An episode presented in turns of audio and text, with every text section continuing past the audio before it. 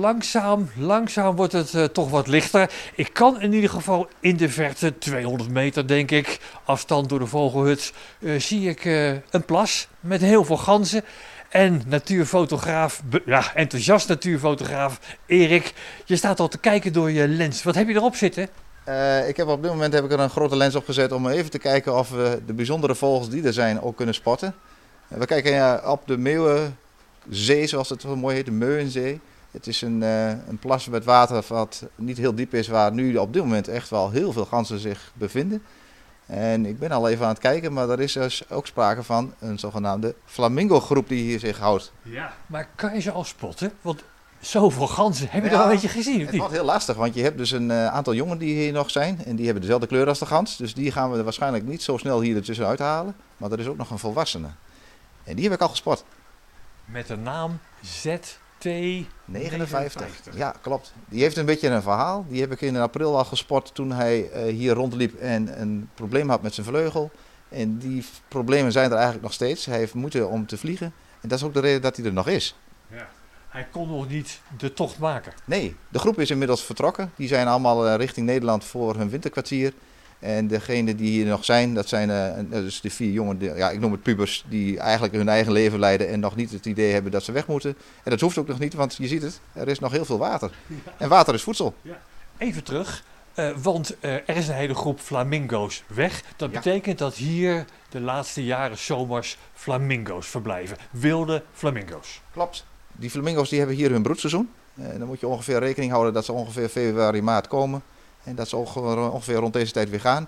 En dat is eigenlijk een eh, terugkerend jaarlijks spektakel. Dus flamingo's hebben helemaal geen savanne ergens in Afrika nodig. Nee, nee, Ze kunnen ook gewoon hier op de grens van Nederland en Duitsland bij Groenlo eh, overleven. Ja, klopt. Het is eh, niet afhankelijk van temperatuur. Het is puur voedsel. En uiteraard ook een aantal voordelen die ze hier hebben met het lage water, een eiland waar ze op kunnen broeden, veel rust en dan natuurlijk een prachtig natuurgebied. Dus dan heb je dus uiteindelijk hier dus een vogel die exotisch, tropisch lijkt, maar hier dus eigenlijk gewoon elk jaar komt. Ja. Hoe lang is dat al dat die flamingo's hier eh, ja, iedere zomer te vinden zijn? Nou, als ik de, de verhalen geloven mag, werden ze al gespot in de jaren 70. En vanaf de jaren 80 is het zo dat ze hier als een klein groepje begonnen zijn en jaarlijks terugkomen als er water is.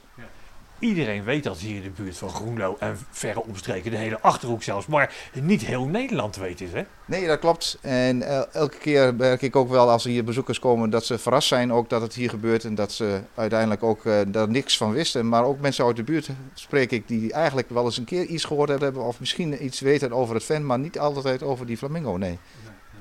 We gaan even terug naar een paar maanden geleden. De hele zomer waren de flamingo's hier te zien. Ja, toen werd het herfst. Dan gaan ze natuurlijk vliegen, dan gaan ze trekken. Waar trekken ze dan heen? Ja, het, zijn dus eigenlijk geen trekvogels. Ze moeten ze hier gedragen als trekvogels. Het water, eh, wat we net besproken hadden, kan dus weggaan, maar kan ook bevriezen. En dat betekent dus dat je geen voedsel hebt, dus daarom gaan ze weg. En die groep heeft dat inmiddels elk jaar ook door om dan te zeggen, we weten waar we naartoe willen. En trekt dan elke keer ook naar de- dezelfde plek terug. En dat is dus rond deze tijd. En dan heb je dus eigenlijk geen flamingo's hier. En dit jaar wat bijzonder, want we hebben ook rond deze tijd nu dus nog flamingo's. Er hebben hier nog nooit flamingo's overwinterd. Overwint het niet, nee. We hebben wel gehad dat ze tot laat in het jaar er zijn. Want eh, we hebben natuurlijk ook warmere winters. En we hebben dus ook winters waarbij het dan niet bevriest. En als het niet hoeft, hoef je niet te gaan. Eh, nu is het eh, eigenlijk allemaal bij elkaar gekomen. Er is geen noodzaak. En er is nog een flamingo die niet kan. Dus die moet hier blijven. Dus het wordt een bijzonder jaar. En gaan we ook kijken wat er dus dan ook dan ontstaat. Want die vier jongens zullen als, eh, als ze niet moeten ook hier blijven. Heel spannend. Het kan zijn dat er voor de eerste keer hier op het Sveelbokkerven eh flamingo's overwinteren. Dankzij de gewonde ZT59 en de vier ja, pubers, zoals hij ze noemt. De vier jongen van dit jaar die dachten, nou waarom zouden we gaan eh, trekken, waarom zouden we andere streken gaan opzoeken. We blijven gewoon even bij ZT59. En misschien duurt dat dus de hele winter. Ja, we gaan het zien. Dat is dus ook waarom ik eh, wat vaker hier ben, om dat ook eh, in de peiling te houden. We hebben al een moment gehad dat ze wel vertrokken en uiteindelijk ook weer terugkwamen. Dus het blijft gewoon heel spannend. We gaan het dit jaar dus meemaken, ja.